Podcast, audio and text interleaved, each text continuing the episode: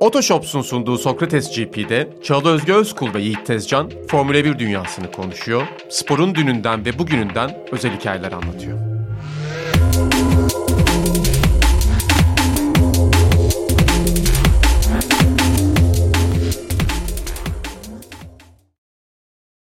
Herkese merhaba. Sokrates GP'nin en önemli bölümüne geldik. Çünkü 14. bölüm olmuş. 14 benim uğurlu sayımdır. O yüzden bu bölümün şahane olmasını bekliyorum. Sevgili Yiğit Tezcan ve Sencer Yücel'den. Taleplerim bunlardır. Hoş geldiniz. Hoş bulduk. Hoş bulduk. Nasılsınız? Keyifler nasıl? Önce Sencer'den başlayalım bugün. İyi gayet. Ben Stabil diyorsun. Sorun yok. Benim de iyi. Aa sen şaşalı bir hafta F1 sonu geçirdin Yok, şimdi şey, bir dakika. Yorucuydu daha ziyade. Senin anlatacak şeylerin var hafta sonundan. De var evet. Hep var benim de birçoğu aslında burada anlatılmamalı bence. Diyerek. Gazi koşusunda yaşananların tüm detayları de az sonra Sokrates evet. GP'de. Onu anlatabiliriz. Evet Gazi koşusuna gittim. İşte e, çok önemli bir koşu. 3 yaşında bir kere koşuyor biliyor. İlgilenenler bilir zaten Taylar. E tabi bu Covid sebebiyle de yapamadılar seyircili. Şimdi seyircili oldu. Çok da kalabalıkmış gördüğüm Evet ve kadarıyla. e, bir kısrak kazandı koşuyu. Ben zaten story attım Girl Power diye. Bir kısrak da ikinci oldu arkasında. 99'dan bu yana ilk defa erkekleri yenip 3 kısrak vardı bir de koşuda. Bart Robert Talarya gazisinden beri 99'da ilk defa iki kısrak gazi önünü 99 kapamış. mu? 99 tabii. Genelde bu tip büyük erkek rakiplerinin koştuğu derbi koşuları kısrakların kazanması zordur. O açıdan hani romantik bir finish oldu. Zaten Aras vardı yanımda. Sokrates'le video paylaştık. Orada ayı gibi bağıran da benim. Yürü lan diye. Çünkü underdog ya birazcık kısrak ne olursa olsun o mücadelede. Bir de öyle yüzden izlenir sanırım yarış yani heyecanlanınca. Ya öyle izliyorsun evet. Formula 1 yarışlarını da böyle izliyor musun? Yürü be demiyorum tabii. Hadi lan diyorumdur ama kesin. Heyecan verici bir şey olursa. niye demiyorsun? Benzer aslında. Ya ata yürü be denir. Halbuki koştu halde değil mi? Ne kadar aslında Tam tezat yürü bir be, durum. arabaya da gider. Yani sürbe demezsin ya yürü dersin. Bir de bu arada kalplerinizi kıracağım üzücü bir olay oldu. Dün bir at yarışı bıraktı. Ben nalı çıktı zannettim. O an öyle anladık. Göremedim ben. Şimdi tekrarda izlerken gördüm. Jockey hemen üstüne atlıyor. Sakatlanmış yutmuşlar. Aa. Sağ arka ayağı kırılmış. Evet, maalesef olabiliyor bu. Yani bu illa ya herhangi bir at herhangi bir yerde koşarken de olabilecek bir şey bu arada. Üzücü bir şey oldu dün. Maalesef o an ben anlamadım ne olduğunu da. Öyle bir durumu var. Üzüldüm yani ben de sabah sabah. Ama bu arada şunu söyleyeyim uyutulmaları gerekiyor. Çünkü onlar için bir zulüm. Evet. İyileşmeyecek bir kırıkla yaşamak bizim gibi olmuyor onlar için. Hani ayağıma alçı aldım bir ay yattım en sonunda 5 kilo aldım çıktım gibi durum olmuyor onlar için maalesef. Benim hala uyutmakla ilgili anılarım taze olduğu için Ocak ayında köpeğimizi uyutmak zorunda kalmıştık. O yüzden perişan bir başlangıç oldu. Hadi bakalım. Podcast'te. Nasıl yapacaksın? Hemen dağıtıyorum. Otoshops'la ilgili güzel duyurularımız var. Onlardan bahsedeyim öyle de başlayalım. Biliyorsunuz programımızı Otoshops'un katkılarıyla sunuyoruz zaten. Bu yeni bölüme de öyle başlayacağız. Eğer aracımı satmak ya da değiştirmek istiyorum ama değerinin altında kalmak istemiyorum diyorsanız Otoshops Nakit ile tanışmanızın tam zamanı diyebiliriz. Otoshops Nakit'te aracınızı anında ve değerinde satma imkanınız var. Yapmanız gereken tek şey araç bilgilerinizi Otoshops web sitesine girmek. Anında fiyat teklifinizi alabiliyorsunuz. Ücretsiz ekspertiz imkanıyla da aracınızı hemen satabiliyorsunuz. Ve aynı zamanda da paranız aynı gün hesabınıza yatmış oluyor. Detaylı bilgi edinmek isterseniz bu imkanla ilgili Otoshops web sitesini ya da Otoshops geniş hizmet noktalarından birini ziyaret edebilirsiniz. Bu kadar basit. Zor değilmiş. Tekrar alabilir miyiz Çağla? Alabiliriz isterseniz. Her bölüm var. Otoshops nakit. E, ücretsiz ekspertiz imkanı sunuyor sizlere. Bilgilerini giriyorsunuz. Değerinde satmak istiyorsanız bu önemli. Çünkü bir kargaşa var şu an biliyorsunuz ikinci el. Evet. e, araç alım var. satımı için. Fiyatlar çok garip yerlerde geziyor. Şöyle yapacağız bu hafta. Kanada üstü haftayı boş geçince şimdi daha doğrusu işte Britanya'ya da giderken Silverstone'a bir hani ön program yerine yine soru cevap yapalım dedik. Ve çok da güzel sorular geliyor. Aslında bizi muhtemelen e, soru cevaba teşvik eden böyle bir program Sorular yapmaya güzel, evet. e, sorular oluyor. Güzel bir katılım var. Bir de böyle e, bazen aynı insanları da görüyorum. Bu soru cevap bölümlerine soru atanlarda. O da benim hoşuma gidiyor. Böyle sanki bir ekip olarak bir süredir bunu yapıyormuşuz hissine kapılmış durumdayım. E, şimdiden teşekkür ediyoruz sorularınızı yolladığınız için. Sen de beğendin bazı soruları. Ben çok beğendim soruları. Bütün Samimiyeti soruları çok çektim. beğendim ben. Evet hani evet ben de sorularla birlikte beğendim. o sorma samimiyetini çok beğendim. Hoşuma Evet gitti. ben de aynen öyle. Hoş sorular var. Pist dışından da sorular var. Sencer senin de dahil olduğun bir soru var. Direkt onunla başlamak istiyorum. Yasin the Iceman diyor ki F1 ile ilgili sorum yok. Belki araya F1 dışı konu atarsınız diye üçünüze şunu sormak istiyorum demiş. Biz e, hani araya atmayıp direkt başa ben öyle başlayalım dedim. İşten güçten bağımsız olarak dünya üzerinde hangi şehirde yaşamak istersiniz? Hangi şehrin sizi daha iyi yansıttığını düşünüyorsunuz? Floransa. Gitmemiş olsanız da bilginiz vardır illaki. Gitmediğin bir şehri de seçebilirsin. Direkt gördüğüm en güzel şehir olan Floransa'da yaşamak isterim.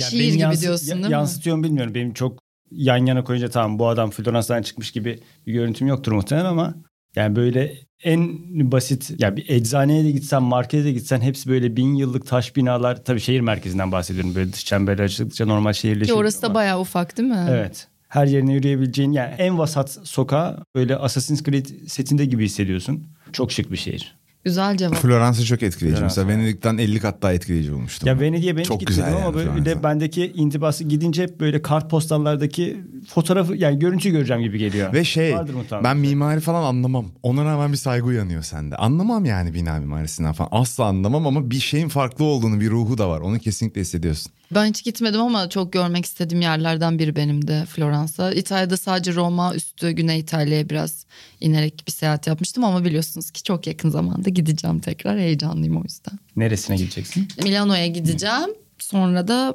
Portofino'ya gideceğim. sonra Milano'da tekrar yaşamak Milano'ya gideceğim. Sonra Böyle döneceğim. daha şehir bir yer olsun istersem direkt Milano'yu seçerim. Portofinolu bir şarkı vardı. Evet. Ee, şu an ben tabii ki yine söylemeyeceğim. I left my... O, oydu Heart at Portofino muydu? Zaten... Tamam hatırladım. Sen Yiğit cevabın New York. olur? Bir şehirde yaşasam. Ben New şehirde York. yaşamak istemezdim. Allah'ın dağında bir yerde yaşamak hmm. isterdim. New York olurdu. Çok kozmopolit. Jack ben anlamadım. Şehirde yaşamak istemezdim deyip dünyanın en şehir şehrini seçtin. Ama bir şehirde yaşamak zorundayım. Niye bir şehirde yaşamak zorunda değilsin? Ya büyük şehir bir şehir seçmek söylememi istiyor muhtemelen. Abi öyle? Kütahya mı diyeyim yani yanı sakin diye atıyorum. O şeyden ötürü Gönülden dedim. Yani geçiyorsun. böyle bir Tabii şehir ki dağın şehir tepesi havası dediğin var. mesela nerede yaşamak istersin? Deniz kıyısında bir koyda falan. Kulübede. Çok kapsayıcı oldu ama. Kendini arıyor daha gibi geldi bana Yiğit. Niye? Adres alamadık. Adres mi istiyorsunuz? Acapulco. Gibi. Ama turistik bir yer orası ya. Orası sayılmaz. Karayipler'de bir yer olabilir. Hah. Mesela. Ada olabilir orada mesela. Az gidilen, az turistik olan.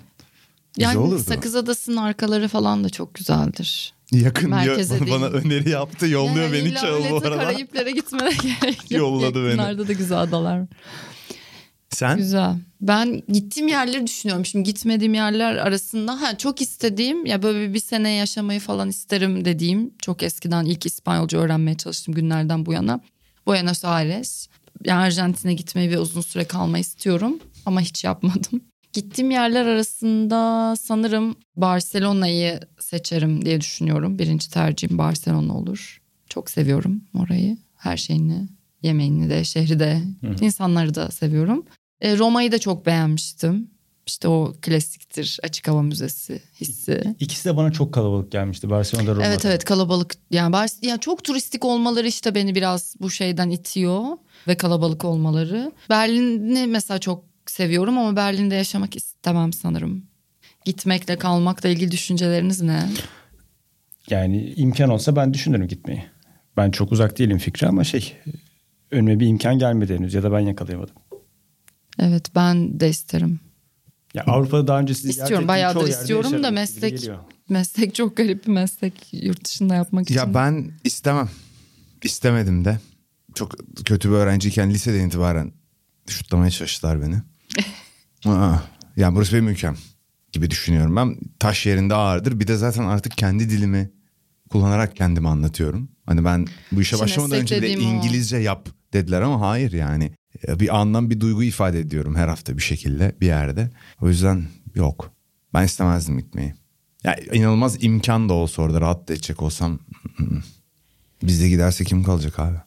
Yani ben o fikre çok katılmıyorum. Gidip çok faydalı şeyler de yapabilirsin zaten. Yapıyor da bir sürü insan. Neyse. Zor bir başlangıç oldu programa. Evet niye öyle oldu? Hepsi Tamam. Sencer'in suçu. Atlar, terk diyarlar böyle ağır bir giriş oldu. ah, Evet ya. Bu programın girişi. Arada bana sorduğun şeyler. E, ne zaman koşuya gidiyoruz? Ne Sizi bir koşusu? gün Veli Efendi'ye götüreyim. Ha öyle koşu. Koşuya çıkıyoruz sandım işte. ben normal. Aynen bir gün götüreyim rahat bir günde. Karting'e bir götür de önce. Yeter artık Ata da 14 binecek bölüm miyiz? oldu. Ata da bineceğiz. Ben çok istiyorum ata binmeyi. ben hiç ata binmedim. Ben de işte çok istiyorum. Sorulara geçiyorum hadi. Tamam hadi. Emre 04. Liberty Media'nın cadde pistlerinde yarış yapma ısrarını, Birleşik Devletler'de 3 yarış, Avrupa'da ise sadece 8 yarış yapma saçmalığını nasıl değerlendiriyorsunuz? Ayrıca 2024'te çoğu pilotun sözleşmesinin biteceğini düşünürsek takımlar nasıl şekillenir demiş. Bu sorunun bu kısmını bir ayıralım. E, Kerem Öztürk'ün sorusundan da bahsedeyim. Benzer şeyler var. Önümüzdeki sezonla beraber Avrupa'da sadece 8 yarışın yapılacağı konuşuluyor. Hali hazırda Fransa, İtalya, Macaristan, İngiltere, Emilia Romanya, İspanya, Hollanda'nın kontratı varken son kalan yere Spa veya Monaco'dan hangisini feda edecek? Formula 1 yönetimi. Hangisini feda edeceğini bilemem. Ama feda edecekleri yerlerin hepsi tatsız. Bir manası var. Bu sporun kültüründe geleneği içinde bir manası var yani. Ya pistin üzerinde yapılıyor yarış. Temel kural gibi bir şey diğer sporlarla kıyaslarsak da. Ben çok korku verici buluyorum ya. Avrupa'daki yarışların azalmasını. Yani Çok Emre düşündüm bunu. B'ye katılıyorsun o zaman değil mi? Yani saçmalık, Saçmalık, diyor ya. saçmalık tabii ki. Birleşik Devletler'de 3 yarış, Avrupa'da 8 Çok yarış. düşündüm. Hani eskiden beri sporu izlediğimiz için acaba sahipleniyor muyuz? Hani insan böyle sevdiği şeyi korur ya. Başkasının eline geçip değişmesin diye düşünür. Acaba o yüzden mi yapıyoruz diye düşündüm. Yani Spa Monaco dediğinde o kadar fazla anım var ki bu sporu anlatan, sevdiren, yapan. Ya Monaco'nun bir kere e, bütün o imajı, havası ve o pistte yarışmanın zor olması. Spa'nın teknik olarak eski pistler arasında en doğal zorlayıcılığa sahip olması. Yani efsane virajlar var, Rouge var, Pouillon var. Ben bilmiyorum ben buna hiçbir zaman sıcak bakmıyorum zaten. Ama böyle de yapınca insanlar hep şey diyor. Ama bu bir iş abi. iş gibi düşün. E, iş gibi düşünüyorsan tabii ki karlı olan yerde yapacaksın yarışı. Yani daha çok para kim veriyorsa. Bu kadar. Biraz bu da kasvetli bir yanıt oldu ama öyle.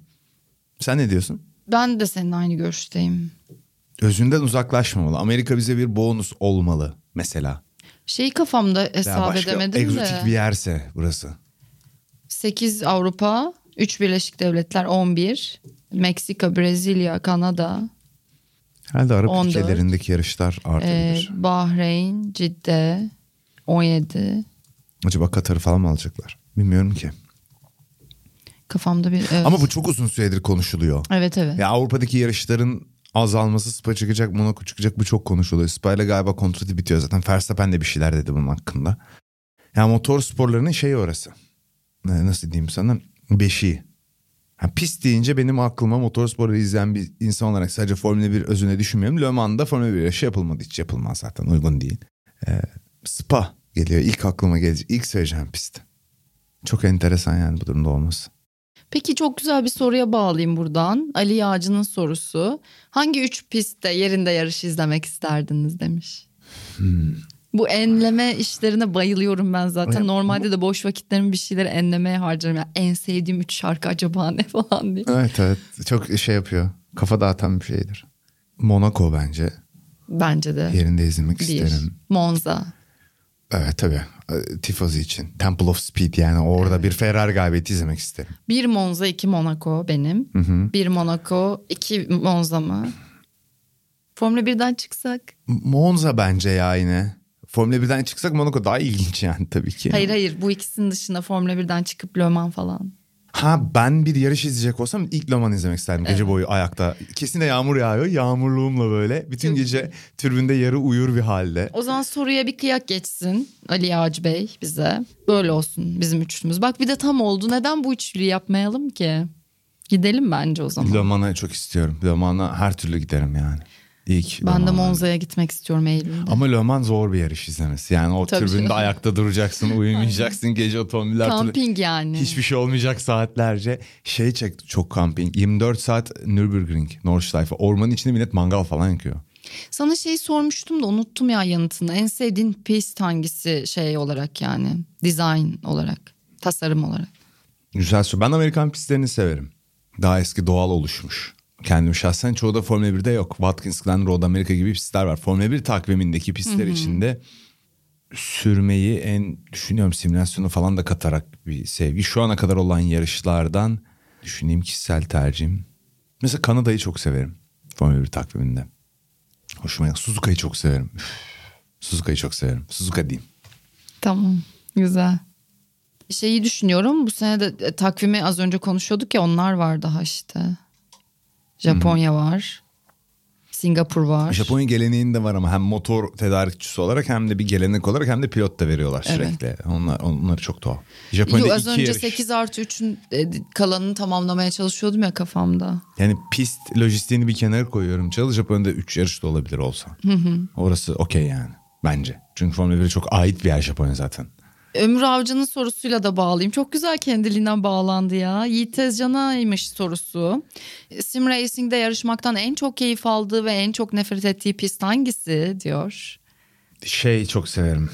Watkins Glen ve Watkins Glen dediğim gibi çok seviyorum. Amerika'daki eğimli pistler var daha küçük onlar. Virginia International Raceway diye bir pist var. Acayip eğimli kör virajları var çok zevkli o. Bir tane onun virajı vardı adı Oak Tree'di. Oradaki Oak Tree öldü. Virajın adı öyle kaldı ama ağaç 300 yıllık öldü. Kesilmek zorunda kaldı. O çok iyi bir pist. İşte Road America'yı severim. Nefret ettiğim pist. Hmm, düşünüyorum. Sürekli böyle bir hata yaptığım falan. pist. Özel olarak nefret ettiğim bir pist yok ya. Şeyi hiç sevmem.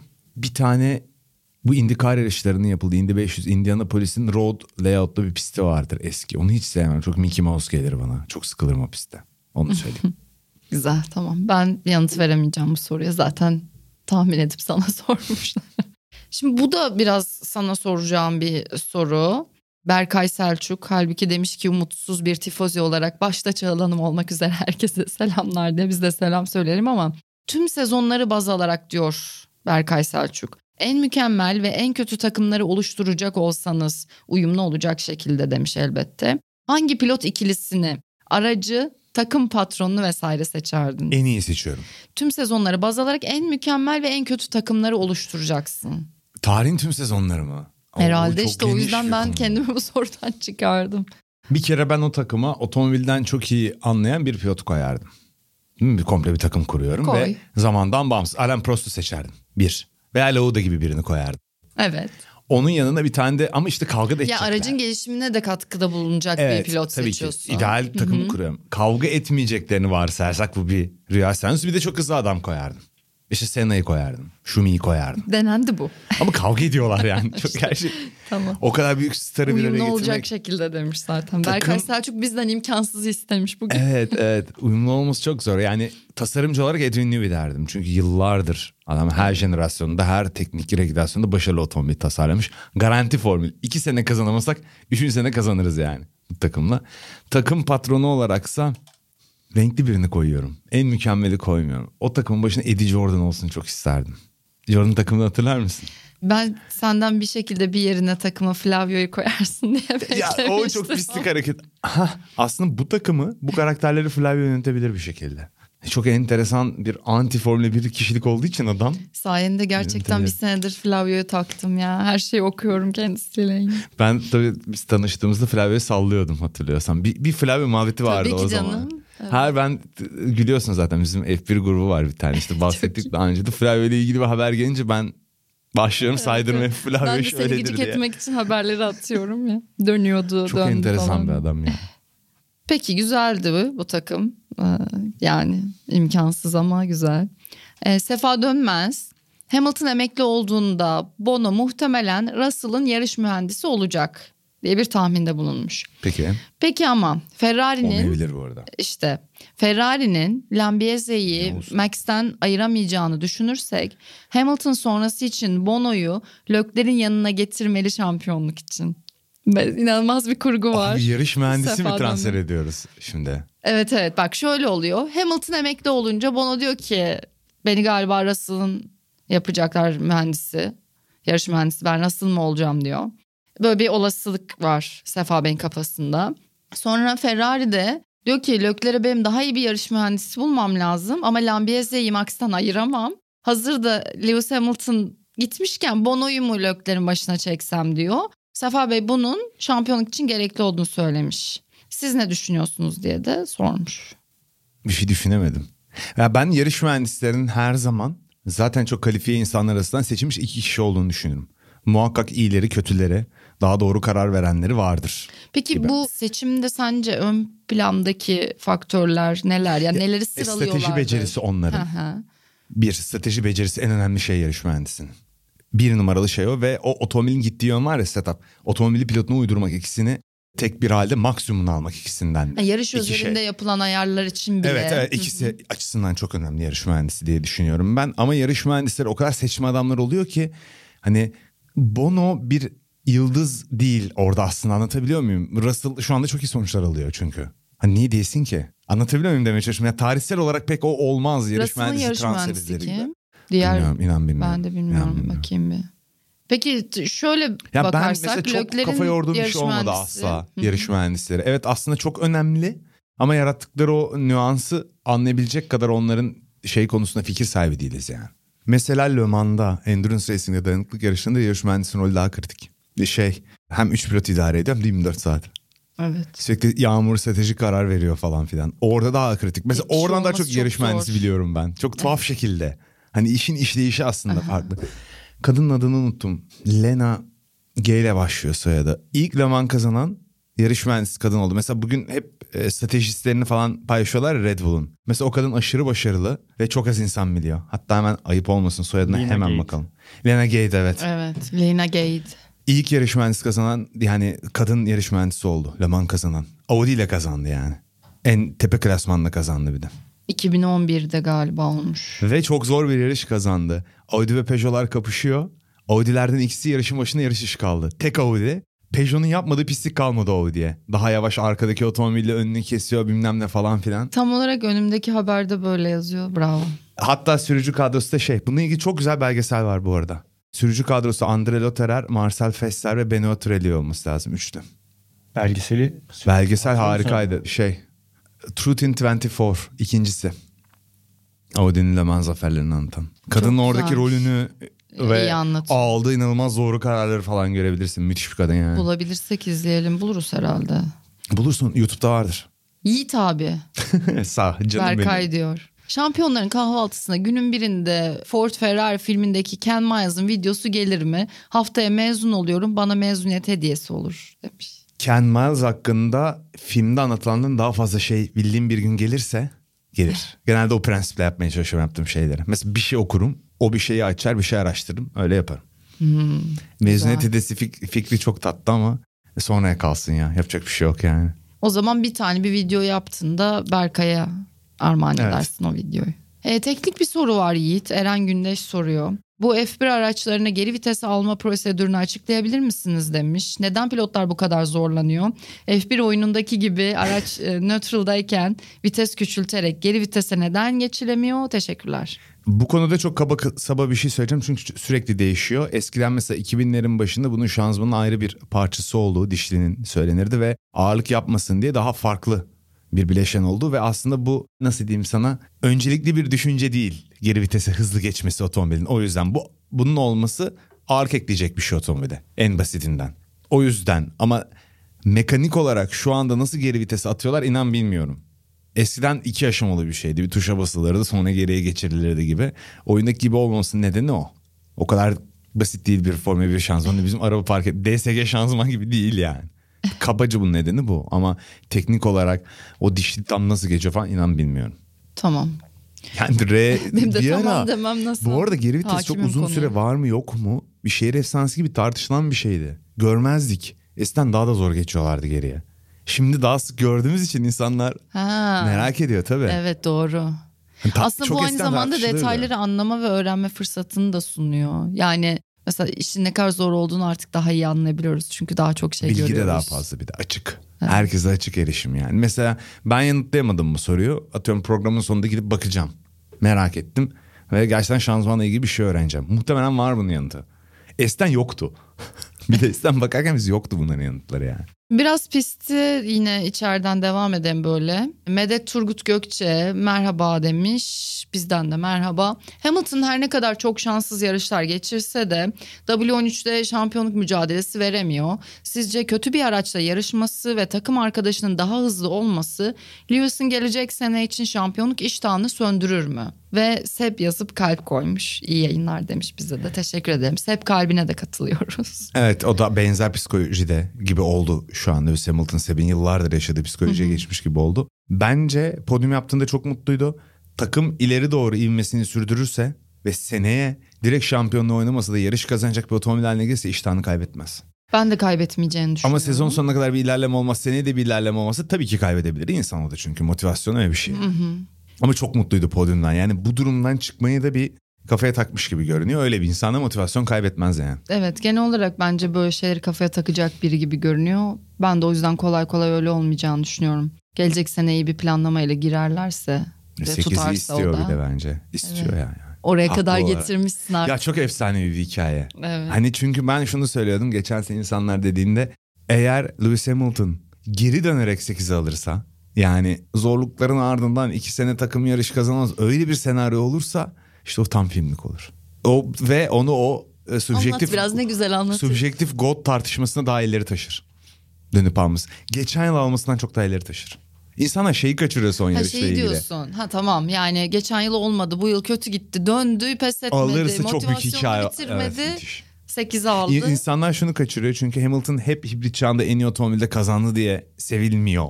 Ya geçen yıl o yarışı ısrarla söylüyorum. Mercedes Hamilton kazansa bu sefer karşı cephe güvenlik otomobili neden çıkarılmadı yarış onun arkasına bitirildi diye itiraz edecekti. Ve bu sefer nasıl Hamilton taraftarı Max'in şampiyonu suçluyorsa bu sefer onlar Hamilton suçlayacaktı ve daha da antipatik olacak. Yani şu anda mesela Verstappen sezonu şampiyon noktalarsa öyle bedavadan şampiyon olmuş olacak? Bu sene mi? Yani Yani hayır tabii ki E, onu işte anlatmaya tabii ki o zaman Schumacher'in iki şampiyonluğu da toplam beleşe gelmiş oluyor. Hamilton'ın üç şampiyonu gibi bir matematiğe giriyoruz yani. Babür Başlangıç sorum Yiğit Tezcan'a demiş. Bu sene Verstappen'in şampiyonluğu kazanma olasılığı %90. Çifte dünya şampiyonluğu Max'i F1 tarihinde nereye yerleştirir? Red Bull takımlar şampiyonluğu sonrası Horner altın efsanelerden biri olarak kabul etmeye başlanır mı? Yani biz sevsek de sevmesek de Horner iyi bir takım patronu. Çok başarılı zaten. Ki işinde. seviyorsunlar. Ya ben seviyorum da hani Niye öyle giriş çok saçma şeyler söylüyor bazen. Hani Evet, gerçekten zorluyor yani. Hani ya niye böyle bir şey demiş diyorsun. Ya haksız olduğu çok fazla şey oluyor. E, Ama bazı şeylerinde de fazla üstüne gidiliyor. Bu aslında şey için de geçerli. Helmut Marko için de geçerli aynı psikoloji. Daha old school eski kafa bir yaklaşımları var. Bazen çizgiyi çok aşı, aşıyorlar. Bazen de millet artık onlara sallamaya alıştığı için tutuyor lafını cımbızla çekiyor sallıyor gibi bir durum var. Zaten onu yazalım. Horner zaten efsane bir takım patronu. Her şekilde. Yani her türlü altın efsanelerden biri. Ya evet sence. hatırlayacağız onu çok büyük takım patronu yani. İşte Vettel'in şampiyonlukları şimdi bir daha takımının geri gelmesi ve hibrit çağında Mercedes ısrarla kafa tutmaya kazıya kazıya motorsuzlar bir de öyle düşün. Çok büyük takım patronu zaten. Evet. Öte yandan Verstappen şimdi son yarışlarda da bir ara bir insanlar acaba doydu mu gibi bir düşünce girdi. Yok yani. Yok. Belli ki hızlı otomobiller olduk sürece Verstappen o işte kariyeri boyunca değişen teknolojilere adapte olup bilmem kaç yaşına kadar hızlı olan adamlar var ya onlardan biri olacak gibi duruyor şu an. Çok büyük ihtimalle öyle biri olacak yani. Parlayıp sönmeyecek biri gibi duruyor.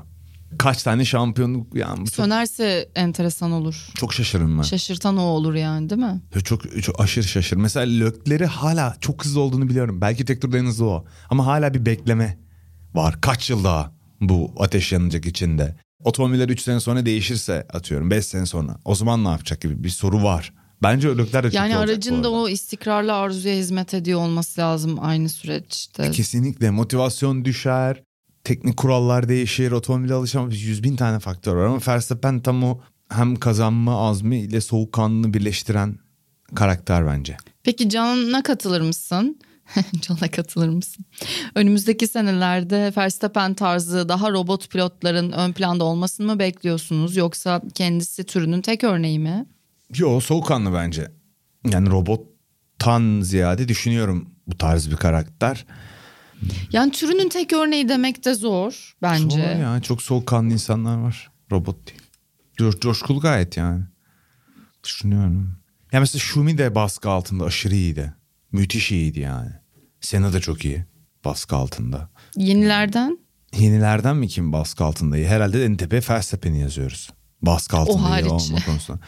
O hariç ya bence bu arada griddeki pilotların çoğu bu konuda iyi. Çünkü geçmişe kıyasla çok fazla rekabetçi yarış serisinden elenerek geliyorlar ya F2'de mesela çok fazla şey öğreniyorlar baskıyla ilgili bence.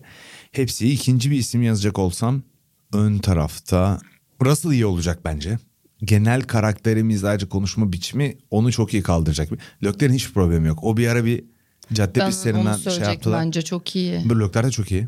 Ve Sainz'in biraz sıkıntısı var. O tarafa bakarsak. Baskı bölümü buradan. Yani Hamilton'ın da ben baskı altında sıkıntı yaşadığını düşünmüyorum. E bakma radyo Onu bu konuşmalarına. jenerasyona bile koymamıştım bu arada. Radyo konuşmalarına bakma yani. O da çok rahat. Perez de ekstra motive olanlardan. Ön tarafı düşündüm. Şimdi önde yarışan Norris da daha iyi falan. anlıyorsun. İşte önde yarışan da daha iyi anlıyorsun. Mesela Evet. Norris bir lastik karar vermedi ama ben tek yarış üzerinden onu baskıyı kaldıramıyor. Sürekli her yarış sonunda hata yapacak diyemem ki. Öyle bir yargıya varmak çok acelecilik etmek. Bir kere oldu işte Evet. Rusya'daydı değil mi? Evet. Ve önde yarışmadan da bunlar tam. Yani yarış galibiyeti kavgası başlamadan da tam olarak Ne kadar baskı kaldırabildiğini anlamayız. ham maddesini bilemiyorsun. İçinde ne olduğunu tam olarak anlamıyorsun bence. Çünkü arkadan büyük takıma transfer olup onu yapamayan çok pilot oluyor. Peki Hime'nin abisi Çetin.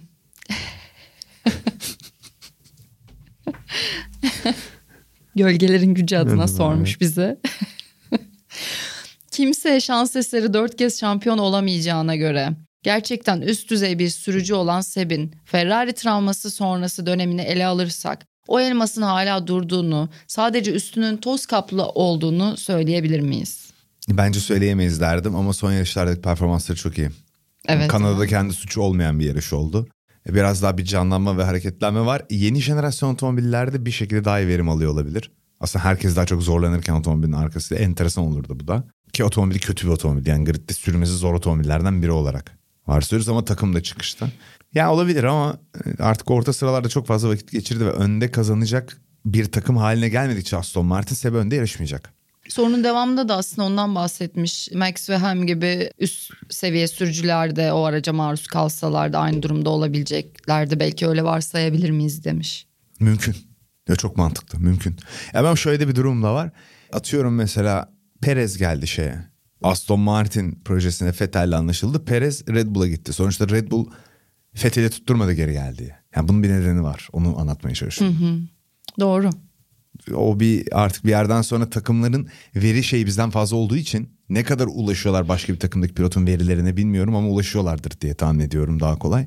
E bizden daha fazla bilgileri olduğu için bence pilot analizinde daha isabetlilerdir ya. Her zaman. Safa Bey demiş ki Aston Martin gelen güncelleme paketini anladıkça hızlanmaya başladı. Ama özellikle Kanada'da gördüğümüz gibi takımın operasyon anlamda uzun süredir devam eden büyük bir eksikliği Evet, var. evet. Acaba diğer takımlardan transfer edilen mühendisler zamanla bu açıda kapatabilir mi? E, kapatabilir. Bu çok da gündem olan bir şey Aston Martin Evet. hamleleri. O konuda bir sıkıntı olduğu kesin. Çünkü takım dibe battı yani son yıllarda. Ben bir yayında daha söylemiştim. Bununla ilgili rivayet gibi şeyler var. Fabrikada insanlar çalışmaktan memnun değil, mutlu değil. Evet evet. Kültürüyle ilgili ama takım başarısız olduğu için beklenenden de söyleniyor olabilir. Aslında Yani çok zor zaten öyle bir atmosferde mutlu olunması sürekli da- olarak. o atmosfer gerçekten var mı bilmiyoruz. Evet o da doğru. Çok da görece bir şey yani. Biri bir mutsuzluk yaşar takımda. O haber yayılır. Kötü bir örnek olarak anlatılır falan filan gibi. Evet ama basit hatalar yapıyorlar. Ona ben de yüzde yüz katılıyorum.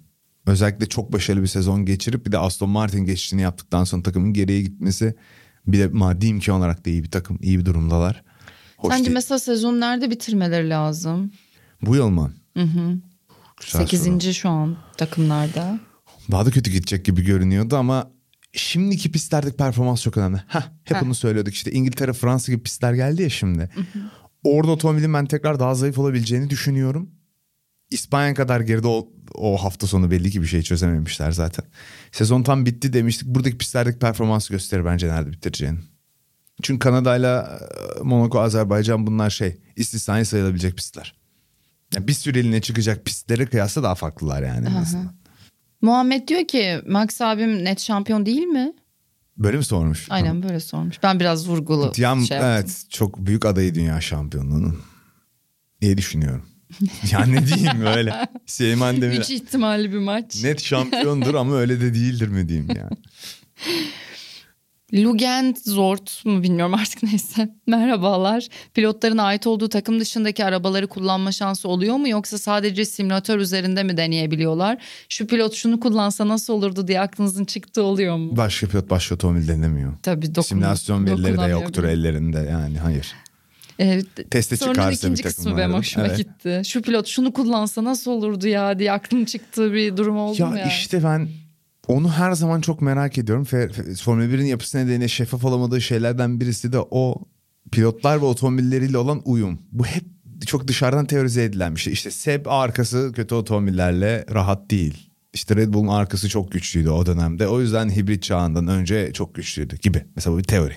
Ben de çok merak etmişimdir. İşte Jensen Button bir kere dünya şampiyonu biliyorsun. Önlerde de çok yarıştı Hamilton takım arkadaşıydı. O da mesela arkası huzursuz otomobillerde hiç rahat edemez ve çok büyük performans düşüşü yaşarmış. İdeal otomobil pilot eşleşmesi muhakkak vardır. Ama işte onu deneme şansımız yok. Denemeden de emin olamıyoruz. Tabii. O zaman hiç aklın çıkmamış. Ben bu sorunun cevabını böyle aldım. Evet. Yani hiç o şekilde düşünmedim. Neye aklın çıkıyor peki? Pistle ilgili. Formula 1'de neye mi aklım çıkıyor? Of şu şöyle olsaydı falan diye. Yani şey fantezi ilginç. Pilotların her hafta farklı bir otomobili kullanmak zorunda kalmaları ile ilgili Oo. vahşi fantezi vardı. Pilotlar bağımsız takımlardan, havuzdan diyelim başarılarına göre para alıyorlar. Her hafta bir takımla çalışıyorlar. Düşünsene. Hiçbir marka falan bunu tabii ki kabul etmez. Öndeki Mercedes falan ama işte gerçek adalet o zaman olurdu. Düşünsene. Bu çok iyiymiş 20 tabii. yarış, Ama yani ne zaman 10 takım alışacaklar? rotate ediyorlar. Bu sefer de hiç araca alışma şeyinin olmaması lazım o zaman. Araçlar çok birbirine denk olmaya başlardı O zaman da olsaydı. adil olmayan bir senaryo söyleyeyim mi? Mesela Monaco'da hızlı olan bir takım Ha tabii. yavaş olan. Sen mesela iyi Mercedes Bu ancak Monaco'da tek yavaş. pistte Monaco'da denk yapılabilir. Evet. Yani bütün sezon aynı pistte yarışıyor olman lazım. Bu Doğru güzel mu? bir fantezi olurdu. Düşünsene Güzel her hafta hepsi farklı garajlarda ve otomobildeler. Bence Verstappen'le. Hamilton'ın yer değişmesi de müthiş bir fantezi olurdu. Evet.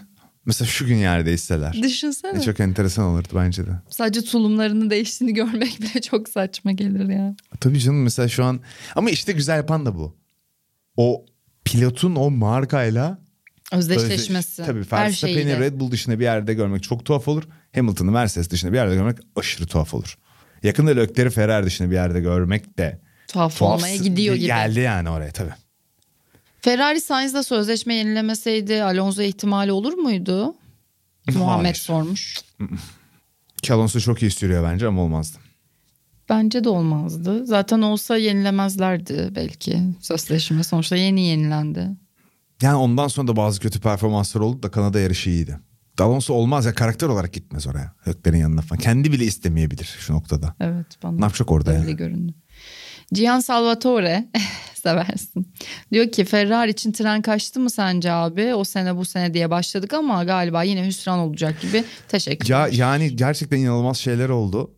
Ben yine tekrarlamış olacağım. Otomobilin yarış hızından ziyade bir türlü dayanıklılık gösterememesi son haftalarda pahalıya mal oldu. Kazanamadıkları Miami'de ve e, Kanada'da yarışın sonunda daha hızlılardı. Düzlük hızı da Red Bull'un büyük bir avantaj yaratıyor. E, Ferrari hala tabii ki yarışın içinde. Şimdi büyük konuştu ya bir notta başta finish görmek önemli falan filan dedi. E şimdi finish göremeyen taraf Ferrari oldu. Sezon ortasında bir yenilikle çok zorlaştı. Çünkü artık otomobilleri de anlamaya başladılar ama Red Bull bu sefer dayanıklılık sorunları yaşamaya başlayabilir. Bak Kanada'da Perez kaldı mesela. Verstappen de kalabilirdi çal. Hani hemen değil. Üst üste iki yarışta Red Bull kalırsa tabii ki Ferrari O tekrar zaman öne o senaryoyu gelir. konuşuyorduk ya birkaç defa DNF olursa işte Perez kazanır mı diye Perez, Perez oldu. Çok DNF oluyor bir de bu sene. Evet. Ön, ön sıralarda karakteristik şekilde alışmadığım şekilde fazla DNF oluyor. Yiğit e, bunu ben de senden şimdi bir daha karşımda otururken dinlemekten hoşlanırım. The Guy demiş ki temel bir soru olacak fakat yarış temposu nedir? Tek turda daha hızlı bir araç neden yarışta yarış temposu yetersiz olduğu için geri kalabiliyor? Ferrari Red Bull arasındaki durum mesela demiş. Harika bir lastik hamurları içindeki performansı önemli. Soft'un hiç tercih edilmediği yarışlarda bile sıralama turlarında soft kullanıldığını görüyoruz. Bir bu. İki lastik aşınması veya ufalanma sorunu yaratması otomobilin. Bu karakteristik olarak çözülmesi en zor şeylerden biri. Lastik tepkileri bunu konuştuk. Ölçümleyemedikleri bir şey teorik olarak. Kauçuğun asfaltla olan ilişkisi ve 2-3 derecelik değişimlerde bile ne tepki vereceği bu öngörülemeyen bir şey haline gelebiliyor. Bazı otomobil karakter olarak daha çok lastik yiyor bazısı daha az yiyor. Yarış temposunu en çok belirleyen şeylerden birisi bu. Üçüncü de aslında pilot X kadar mesafeyi ideal bir şekilde bir lastikle gitmeye çalışıyor. 20 turu o lastikle 20 turluk süre içinde en kısa sürede gitmeye çalışıyor. En hızlı tek turu atmamaya, atmaya çalışmadan gitmeye çalışıyor. Bu da yarış temposunu en çok belirleyen şey. Sürücünün de yarış becerisi dediğimiz şeylerden biri bu. tempoyu işte dediğimiz o mesafe içinde ideal şekilde kullanması yine yarış becerisinin içinde rakibinin stratejisine göre pozisyon alabilmesi. Nerede saldırı yapıp nerede savunma yapması gerektiğini bilmesi. Çünkü e, Alonso mesela geçen hafta işi iyi gitmedi ama başta hemen Sainz'ın geçmesine izin verdi ya. Çünkü onunla rakip olmadığını bildiği için öyle bir karar aldı. Gibi Evet. gibi bir sürü unsur var. E, bunun nedeni temelde bu. Lastik hamurlarının farklılığı ve bir otomobilin yani 5 tur sonra bambaşka bir performans vermesi lastik. Daha çok yemesi veya ufalanma yaratması. Bu çok basit aslında. Güzel Ne soruymuş değil mi? Güzel soru evet. Bazen arada böyle şeyleri de konuşuyoruz. Güzel soru evet. Yani sadece yakıt yükü zaten otomobilin ortasında yakıt depoları değil. Bazen bazı otomobil sürüş stilleri de çok etkili. Mesela lastik sürüş stiline bağlı olarak o sürücüye verilen otomobil ayarı da çok önemli. İşte e, kamber açısı mesela eskiden beri bütün motor sporlarında otomobilin dikine elimde gösteriyorum sana olan asfalta bakış açısı diyeyim. İçe doğru dönüktür ya lastikler. Bizim yol otomobillerinde o olmaz. Kamber açısının farklı bile yarışta beklenmedik bir şekilde aşımı yaratabiliyor. Şöyle düşünsün. Azerbaycan'da Perez'in yaşadığı lastik problemi. Lider başlayıp. Bütün hafta sonu Verstappen kafa kafaydı. Belki biraz daha hızlıydı. O gün olmadı. Yani çok fazla küçük değişken var. O da Çok da güzel bir soru. Şunu da şey yapıp noktalayayım. Ferrari Red Bull yarış hızı hikayesinde Ferrari'nin yarış hızı Red Bull 10 kadar geride değil. Ferrari'nin düzlük hızı kötü. Ve yarış dışı Bull kalıp düzlük hızı iyi. stratejik olarak kötü pozisyonda kaldığı için rakibini alt edemiyor. Miami'de, Kanada'da geçemediler mesela. Ya Verstappen'in de süper sürüşü var tabii ki hiç hatasız sürmesinde ama bunlar da etkili yani. Daha spesifik bir fark var aralarında aslında. Evet, yani Komple yarış hızı. Tam olarak Ferrari'nin yarış hızı çok... Evet kısmen Red Bull çok güçlü görünüyor yarışlarda ama İspanya'dan Monaco'dan galibiyet çıkarabilirlerdi. Kanada'dan çıkarabilirlerdi. Yani nereden çıkaracaklar işte her yerden Azerbaycan'dan Leclerc hala yarışın içindeydi. O kadar da kötü değil, bitmiş değil yani. Evet. Çoğu hep de dayanıklılık sorunları yüzünden kalıyorlar. Veya Sainz Verstappen'in arkasındaydı geçemedi. Leclerc Verstappen'in arkasındaydı geçemedi Miami'de gibi. Yani o kazanamadıkları yarışlarda ya yarışın sonunda varlar ya da dayanıklılık sorunu yaşadıkları için yarıştan kopmuşlar yani. Diye düşünüyorum ben. O zaman son olarak pist dışına çıkıyorum. Bana soru gelmiş çok heyecanlıyım. Ben bana da gelecek soru aynen böyle olmuş. Sen bana Ben sor. biliyorum bu soruyu. Hadi sor. Senna mı Hamilton mı? Hangisi daha karizmatik? Özel olarak Çağla Hanım'a soruyorum bu soruyu. Hayatımda aldığım en zor soru. e, Senna bence. O Neden? kadar da zor değilmiş. Neden neden? Yani şu bunu Şart tabii ki soru yazıldığından beri bunu düşünüyorum. şu an öyle hızlı Dün yanıtladım beri bakmayın. düşünüyor. Dinleyenlerin bilgisine sunayım bunu. Yani daha karizmatik. Ya Hamilton'ı ne kadar sevdiğim aşikardır şu an. Bence Senna daha karizmatik. Sence Sencer? Katılıyorum. Kesinlikle. Sen daha net Ben söyle. gördüğüm Çok da şey düşünmeden söyledin sen. Soruyu gördüğüm an Yiğit'in buna zaten Hamilton deme ihtimali bence yok. Oo. Ya bence yok. Bence de Senna daha karizmatik. Ama bizim gözümüzde Bak, subjektif bir şekilde gitti. öyle. Dünya gözünde hangisi daha karizmatik ve etkileyiciydi o ayrı bir tartışma. Çok ayrı bir tartışma çıkar ondan. Çünkü Hamilton'da çok etkili olduğu bir kuşak, jenerasyon ve düşünce biçimi var. ben Bence karizma ve şeyle hatta yani etkiyle bugünün tabii ki şartlarında değerlendirirsen Hamilton önde olabilir belki. Ama ben dünyanın estetik yargılarına bu odadan daha fazla güvenmiyorum. Dünyanın estetik Ben de yargılarına- kendimden Ben daha fazla bu da odadan daha güvenmiyorum. fazla güvenmiyorum. Onun için seninle. Peki tamam o zaman. Bence. Üç oyla biz Ayrton Biz de Senna estetik dedik. kafalıyız ama yani bu odadaki herkes Tabii biz öyle 60 tarz sonu 70 beğeniyoruz başı zaten. seçti yani. Ama ben Hamilton'ı da çok beğeniyorum biliyorsunuz. Kıyafetlerini falan hepsini paylaşıyorum takip ediyorsanız. Ya ben beğeniyorum. Onun çok çok karizmatik olduğunu düşünüyorum ya. Her şey çok güzel. Tam bir star. Bu odada şöyle bir şey oluyor. Bunun farkındayım yani. Erkekler erkekleri yorumlayamıyorlar. Bu odada böyle bir sıkıntı var. Neden? Bana mesela bir kadın sorarsanız hangisi daha karizmatik diye 15 dakika anlatırım. E ben soru söyledim e, seni daha karizmatik dedim evet. Bir sıkılma bir şeylik var. Hayır sıkılmıyoruz bir kere. Sen bu- Haşa Sen bu odadaki değil. erkekleri İyi tanımamışsın. iyi tanımamışsın. Evet. Biz Peki, oysa her akşam olsun. Sencel'le. Biz buradan çıkıp erkek yorumlamaya gideceğiz. Değil. Tabii erkek yorumlama odamız var. Orada açıp Kim bilir dev ekran perdemiz de var. Tamam artık dur dur. ya yorumlayınca da sevilmiyoruz. Bu nasıl şey ben Hayır anlamadım. yorumlamıyorum. Gerçek yorumlar istiyorum ya. Şu bence iyiydi, bu yakışıyor. İşte saçı şöyle. Karizma deyince bence şudur. Ya şöyle, Karizma benim- deyince bence konuşmasıdır mesela Beni- insanın. Mesela ben moda şeyi anlamında, algısı anlamında kıt bir insanım. O yüzden Hamilton'ın Tamam giyimini ben mesela ver. değerlendiremiyorum. Moda Gerçekten insanın kendine yakıştığını giymesi. Gerçekten anlamıyorum. Ama mesela karizmatik mi Hamilton dersen ben şey anlarını çok karizmatik buluyorum. Çok alçak gönüllü oldu. Herkese şakalaştığı anlar var. Orada bence adamın o star karizması ortaya çıkıyor. O kadar doğal bir şekilde yapabilmek onu insanlarla kolay bir şey değil. Ama Çok iyi başka bir şey. işte. Mesela ama saçından başından kıyafetinden anlamıyorum ki ben bir şey. Harbiden yok. İşte o bir parçası yok kalıyor öyle yani. zaten. Evet. Aynen mesela senin söylediğin O şey bence çok gidiyor yeni bir perspektif ve çok güzel. Kıyafete evet. dair de şunu söyleyeyim. Ayrton Senna benim gördüğüm gömleği pantolonun içine sokan ve cool görünen tek erkektir. Ya mesela Senna da full Harika, Çok karizmatik. güzel. Ne güzel. Bakın illa zorlamak. Senna da full karizmatik değil mi? Hepimiz kabul ettik. Mesela Senna'nın da karizmasına eksi olan bir şey söyleyeyim. Hani benim gözümden. Mesela bazen çok ben merkezli konuşuyor ya çok fazla. Evet, Ve e, hak edilmiş bir şey gibi galibiyet ya ona aslında verilmiş. Şöyle çok enteresan söylemleri de var. Bazen aşırı dramatize ediyormuş ağlıyormuş gibi geliyor Senna'da mesela. Aslında hep Hamilton'a ağlıyor diyoruz. Ya ama o bir hem algıyla alakalı hem de şeyle algılı. Alakalı diye düşünüyorum. Senna'nın döneminde Twitter olacaktı ki. Şu an var ya. Neler nereye olurdu kim bilir. Ya öyle ama ya takım yani o dönemki konuşmaları pilotların onunla ilgili yorumlarına da bakarsan herkes çok saygı duyuyor seviyor ama zaman zaman gerçekten Jackie Stewart'la kavgası falan vardır ya meşhur yani. Bunlar da dünya şampiyonu olmuş adamlar yani. Evet. Ve onlar da insanlar. Evet. Sonucunda. Dramatize ettiği durumlar Defolarıyla, oluyordu onlar, evet. açıklarıyla, E, eksik işte. yönleriyle insanlar. İnsan. yani.